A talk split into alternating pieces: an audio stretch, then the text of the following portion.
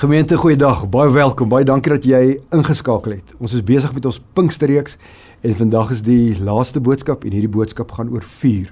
Die Heilige Gees as hierdie vuur binne in ons. Net 'n herinnering.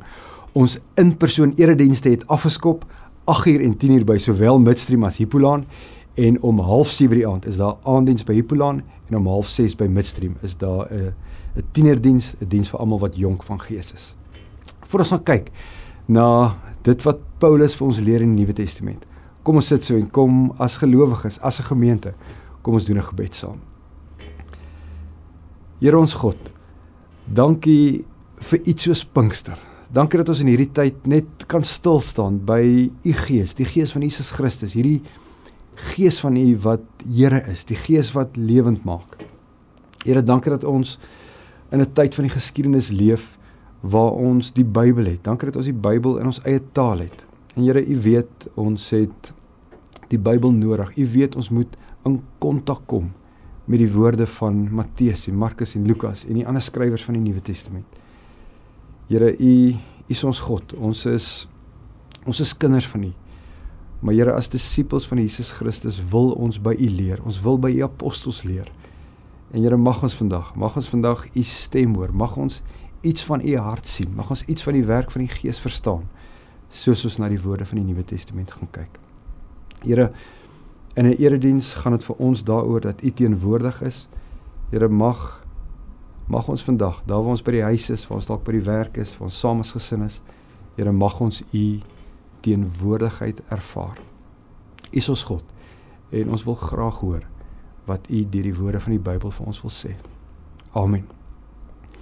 As jy saam gaan lees, maak asseblief die Bybels oop by 2 Timoteus hoofstuk 1 en dan gaan ons ook kyk na Paulus se woorde in 1 Tessalonisense hoofstuk 5. Die boodskap vir vandag is voer die vuur. As 'n metafoor kan ons sê die Heilige Gees is soos 'n vuurtjie of soos 'n vuur hier binne in ons. En is ons taak en is ons verantwoordelikheid om hierdie vuur aan te blaas. En wat ek vandag gaan sê is dit is verskriklik belangrik dat ons as kinders van Here, dat ons as disippels van Jesus Christus, dat ons as 'n gemeente wat hierdie Jesus lewe wil leef, dat ons al hoe meer tyd in die Bybel moet spandeer.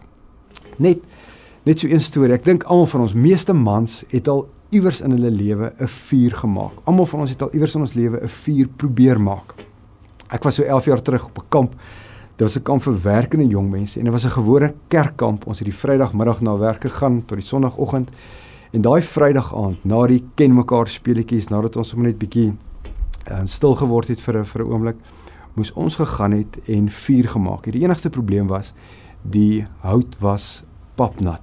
So die blits het vinnig opgeraak, maar ons moet ons moes eet op die program was dit 'n bring en braai, so ons moes vuur maak, ons moes die vuur gereed kry.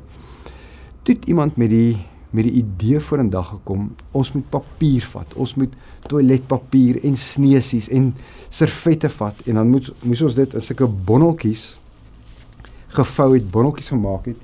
En toe die persoon gesê ons moet deodorant vat en dit op die op die toiletpapier spuit, op hierdie sneesie spuit en toe moes ons die voer so sodoende gevuur het. So wat ons gedoen het is ons het hierdie bonneltjies gemaak, ons het dit met 'n vuurhoutjie aan die brand gesteek en toe seker vir so 10 of 20 minute het ons voortdurend hierdie stukkies papier onder die hout ingesit. En uiteindelik, ek skat, was seker na so 'n halfuur het ons 'n goeie vuur aan die gang gehad en ons het toe uiteindelik gebraai en sommer net lekker saam gekuier die aand.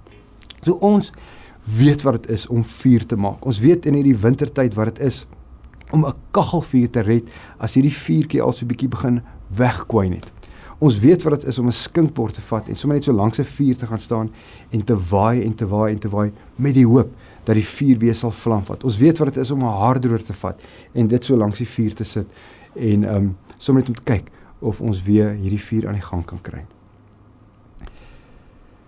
Ons as kinders van die Here weet ook wat dit is om nie meer aan die brand te wees vir die Here nie. In die taal van die Openbaringbrief Ons weet wat dit is om lou te word. Ons weet wat dit is om so 'n bietjie af te dwaal. Ons weet wat dit is om weg te beweeg van die Here af.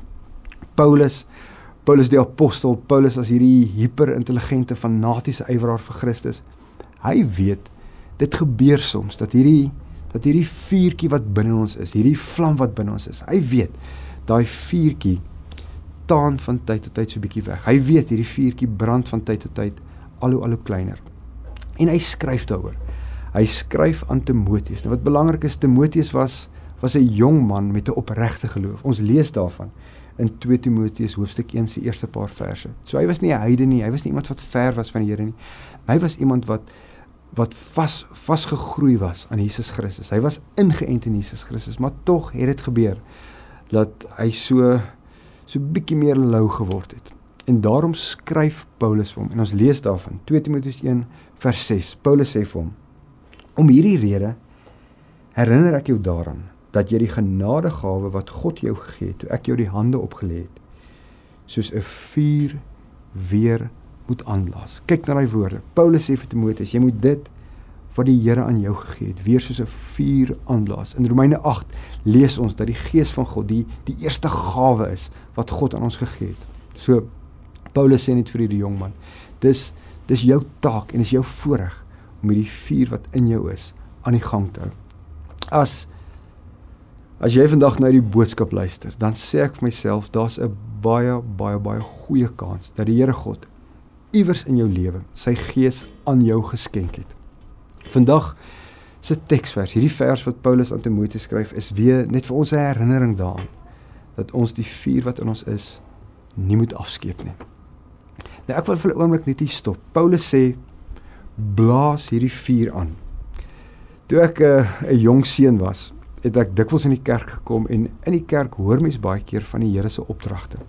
En ek sou altyd daar gesit en gesê ek glo dit en is reg, maar ek sou dikwels my hand wou opsteek en net vir die dominee sê maar dominee, help my met die hoe. Ek hoor nou die Here sê ons ons moet dit doen. Ek hoor Paulus sê dit, maar hoe moet mense doen? Ek het nooit my hand opgesteek nie, maar ek het dikwels hierdie behoefte gehad om net 'n vraag te vra en te sê help my met die hoe. Daar's 'n klomp redes. Daar's ekskuus, daar's 'n klomp maniere ons die vuur wat binne on, binne ons is kan aanblaas. Ek wil vandag net fokus op een en wat ek vandag wil sê is kom ons kom opnuut weer in kontak met die woorde van Jesus Christus. Die Hebreërbrief leer vir ons dat God in die ou tyd op verskillende maniere met die mense gepraat het. Partykeer was dit op vreemde maniere. Maar dan sê die Hebreërbrief vir ons in hierdie tyd, in hierdie laaste dae, die tyd tussen Jesus se hemelvaart en Jesus se wederkoms, praat hy met ons deur die woorde van Jesus Christus. En ons is bevoorreg om Jesus se woorde in Afrikaans te hê. So wat ek wil sê vandag is kom ons spandeer op nuut weer tyd in die evangelies. Kom ons gaan lees weer Matteus en Markus en Lukas en Johannes. Kom ons gaan kyk weer wat die Here vir ons gesê het in die res van die Nuwe Testament. So kom ons in kontak met die woorde van die Here. En so word hierdie vuur wat in ons is aangeblaas. Nou ek weet en een keer het 'n vriend vir my gesê man, hy hy hou nie van lees nie. Lees is nie vir hom lekker nie. As jy iemand is wat nie van lees hou nie, as Bybellees nie vir jou maklik kom nie, dan sal ek altyd sê, gebruik YouTube om die woorde van die Bybel te hoor. Gebruik iets soos 'n audio Bybel om net om net weer opnuut te hoor wat veral die Nuwe Testament vir ons leer. Lees weer opnuut geestelike boeke. Daar's soveel briljante skrywers, mense aan wie die Here die gawe gegee het om die woord vir ons oop te breek. Ontmoet van hulle, um, gaan drink 'n koffie met 'n dominee of met jou geestelike mentor of 'n vriend wat jy weet naby die Here leef en vra vir hulle watse watse boeke kan jy lees? Nou watse podcast kan jy luister? Net om weer hierdie vlam wat die Here vir jou gegee het weer aan te blaas.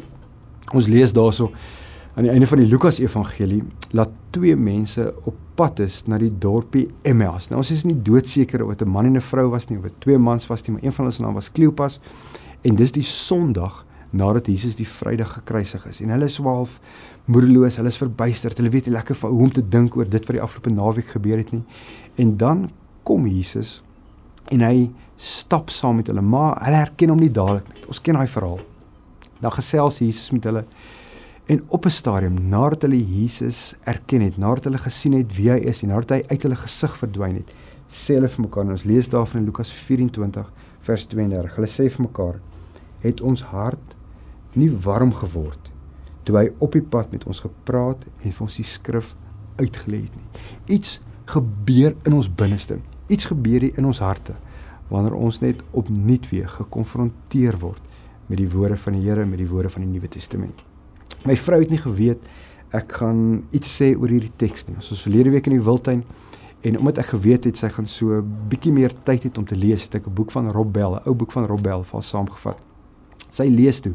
Soos daar in die Wildtuin lees sy toe 'n paar paar bladsye uit 'n hoofstuk uit. En toe sê sy vir my op 'n stadium, dis asof haar hart warm word soos die woord vir haar oopgebreek word. So mag jy mag jy doen wat jy ook al kan doen om hierdie gees wat in jou is aan te vuur en aan te blaas.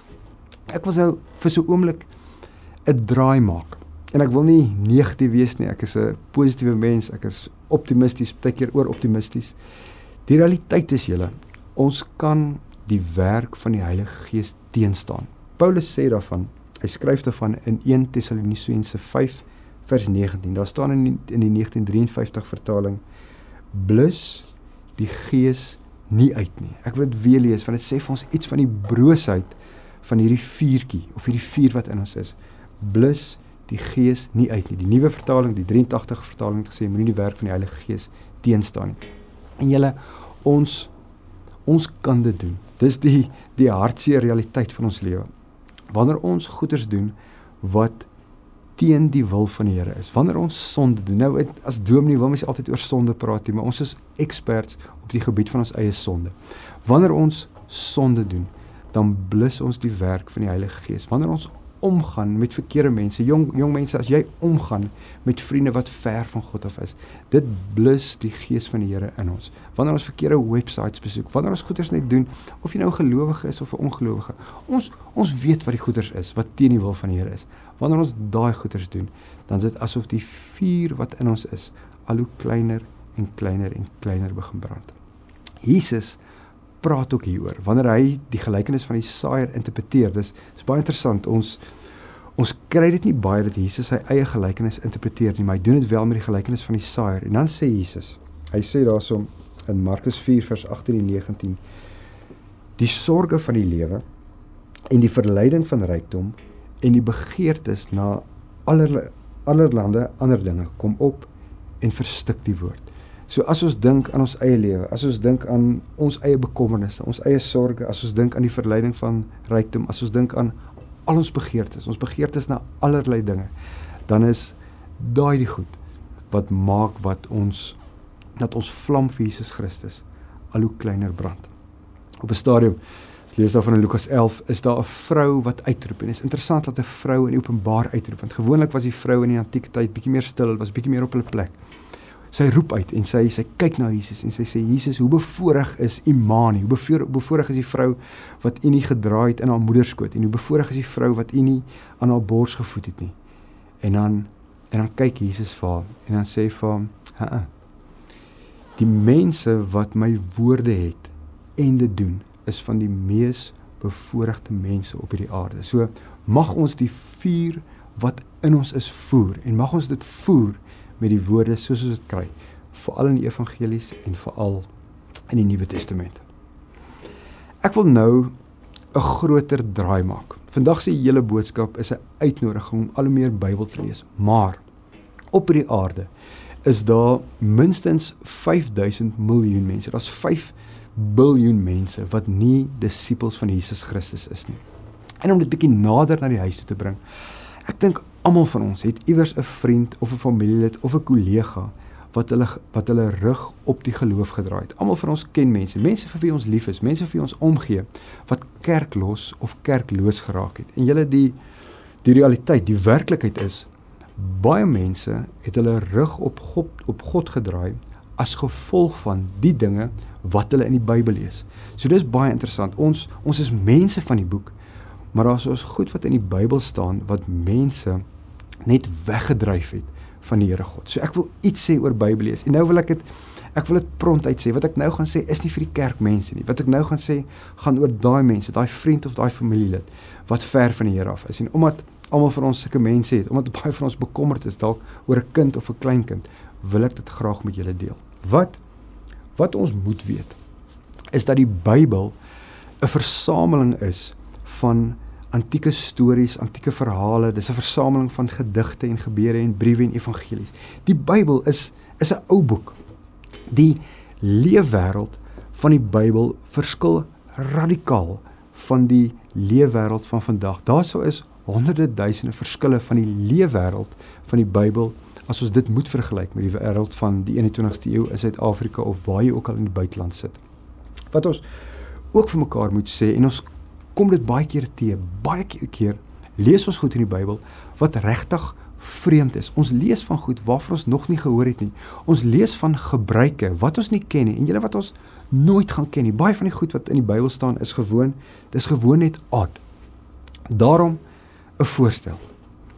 Wanneer ons die Bybel lees, is daar 'n vraag wat ons kan vra. Ons kan met 'n vraag na die Bybelteks toe gaan. En een van die beste vrae wat ons kan vra voordat ons gaan lees, is die vraag: Hoekom het die Bybelskrywers hierdie neergeskryf? Hoekom het hulle hierdie stukkie belangrik genoeg geag dat dit moes deel word van hierdie dokument en dat dit uiteindelik ook deel geword het van ons kanon? Daarso is verskriklik baie goed wat die Bybelskrywers uitgelaat het. Iemand soos Johannes sê, daarso is so baie goed wat Jesus gedoen het wat hy nie neergeskryf nie. Hy sê hy dink daar sou nie genoeg plek in die hele wêreld gewees het om al daai dokumente te stoor nie. So daar's verskriklik baie goed wat die Bybelskrywers uitgelaat het. Maar die vraag is, hoekom het hulle hierdie goeders neergeskryf? Hoekom was dit vir hulle belangrik? As jy sommer net jou Bybel sou vat en jy jy begin by Genesis 1. Almal van julle weet hoe baie debatte daar deesdae is oor oor die skepingsverhale wat ons kry hier so op die eerste paar bladsye van die Bybel. As as jy jou Bybel oopmaak en jy vra die vraag Hoekom het die skrywers van Genesis dit belangrik geag om hierdie verhale vir ons op te teken? Dan sal jy vinnig agterkom as jy begin navorsing doen dat Genesis 1 en Genesis 2 saamgestel is tydens die Babiloniese ballingskap. En dan moet jy die vraag vra maar hoe het hulle leefwêreld gelyk? Die ballingskap was die absolute laagtepunt van die volk Israel se bestaan. Hulle was die slagoffers van brutale geweld. So wanneer hulle hierdie skepingsverhale neergeskryf het, wanneer hulle dit versamel het, wanneer wanneer hulle dit geëdit het, het hulle dit gedoen binne in 'n wêreld waar geweld koning was. En in daai wêreld in Babylon was daar ook 'n paar skepingsverhale. Die Babiloniese skepingsverhaal noem ons die Enuma Elish. En daar lees ons van die god Marduk wat vir Tiamat doodmaak en dan skeer hy Tiamat in twee en hy gebruik hierdie karkaste om karkasse om die wêreld uit hierdie karkasse uit te maak. So dis 'n skepingsverhaal waar die dryf geweld is. Maar nou kom ons Bybelskrywers. En in teenstelling met wat die skepingsverhaal in daai tyd vir hulle geleer het, kom hulle en hulle sit die skepingsverhaal op die tafel van 'n liefdevolle God. 'n God wat kreatief is, 'n God wat omgee vir die mens, 'n God wat die mens wil deel maak en insluit in dit wat hy op hierdie aarde doen. So wanneer ons Bybel begin lees, vra altyd die vraag: Hoekom het die mense hierdie neergeskryf? Wanneer ons die vraag begin vra, wat was hulle konteks? Wat het in hulle lewens gebeur? Wat was hulle vrae? Hoe het hulle gedink oor God? Hoe wat s'ie goed waarmee hulle ge, gestoei het, waarmee hulle geworstel het? Dan gaan hierdie teks al hoe meer lewend word en dan word hierdie antieke dokument 'n dokument wat ons lewe en ons hart en ons lewens weer vernuwe. Maar as 'n as 'n kantlyn opmerking. Ons kan ook die verkeerde vraag vra. Daar's baie verkeerde vrae wat ons oor die Bybel kan vra. So as jy iemand is wat wat jou rug gedraai het op God of as jou kind sy rug gedraai het op God, is dit belangrik om te hoor dat ons som, dat ons soms net swak vrae kan vra. Een van die swakste vrae wat ons kan vra wanneer ons 'n Bybelteks lees, is die vraagie: Hoekom het God? En Almal van ons vra baie keer hierdie vraag, maar wanneer dit gaan oor die Bybel, wanneer dit gaan oor die lees van die Bybel, wanneer dit gaan oor die lees van die Bybel in die 21ste eeu, is dit dis die verkeerde vraag. Dis nie 'n goeie vraag nie. So wanneer ons die Bybel optel en ons vra, maar hoekom het God die mens gemaak as hy geweet het hulle gaan alles opmors? As ons vra vra soos hoekom het God van die van die mens verwag om onskuldige diere te offer? As ons die vraag vra maar hoekom het God vir hierdie groep mense gesê hulle moet daai nasie gaan uitwis? As ons die vraag vra hoekom het God dit so bewerk dat sy seun aan 'n aan 'n kruishout moet sterf? As ons die vraag vra hoekom het God dit so moeilik gemaak om te glo? Dan dan word hierdie vuurtjie wat binne ons is, dan word hierdie vuurtjie al hoe meer geblus. Dis nie 'n goeie vraag om te vra nie. Ons almal het 'n klomp voorveronderstellings oor God. Ons maak 'n klomp aannames oor God. En baie van hierdie vooronderstellings en baie van hierdie aannames is gewoon net nie waar nie. Dis gewoon net nie korrek nie. So wat ons kan doen en dis en dis net 'n oefening en ek deel dit nou met julle en ek besef waarskynlik gaan niemand dit doen nie, maar dis iets wat mense op 'n kerkkamp of op 'n gemeentekamp kan doen. Wat ons kan doen is jy kan hierdie post-it notes vat en jy kan alles wat jy weet van die Here, alles wat jy glo van hom, al jou frustrasies, al jou vrae, kan jy op hierdie stukkies papier neerskryf. En dan, wat mens dan kan doen is jy kan dit in 'n boks sit en jy kan dit figuurlik gesproke wegsluit. En dan los jy net alles wat jy glo oor die Here vir 'n oomblik en dan begin jy net weer om die Bybel opnuut te lees. Want as jy al jou aannames en jou voorveronderstellings los, dan kom ons by iets autentiek uit. Dan het ons net woorde op 'n bladsy. Jy het woorde en sinnetjies en hoofstukke en uiteindelik het jy net hierdie antieke dokument. En dan wat ons dan kry is mense, gewone mense, mense soos ek en jy se ervarings van die transcendente. Dan lees ons van mense se ervarings van God. Ons lees daarso hoe hulle die wêreld verstaan het binne binne hulle verstaansraamwerk, binne verstaansraamwerk waar daar een God is, maar waar ook 'n paar ander gode is. Dan lees ons hierso wat hierdie mense op 'n op die daaglikse basis ervaar het. Dan kom ons agter, dikwels val in die Ou Testament kry ons mense se perspektief op God. Nie alles wat ons in die Bybel kry is God se perspektief nie. Ek en jy in die jaar 2021 het ook nie altyd God se perspektief nie. Die skrywers van die Bybel het ook nie altyd God se perspektief gehad nie, want hulle was mens. Wat ons wel in die Bybel kry, is mense se perspektief op God se perspektief. En ons moet dit altyd onthou, veral as jy iemand is wat die Christen geloof Christen geloof afgeskryf afgeskryf het op grond van dit van dit op grond van dit wat jy in die Bybel lees.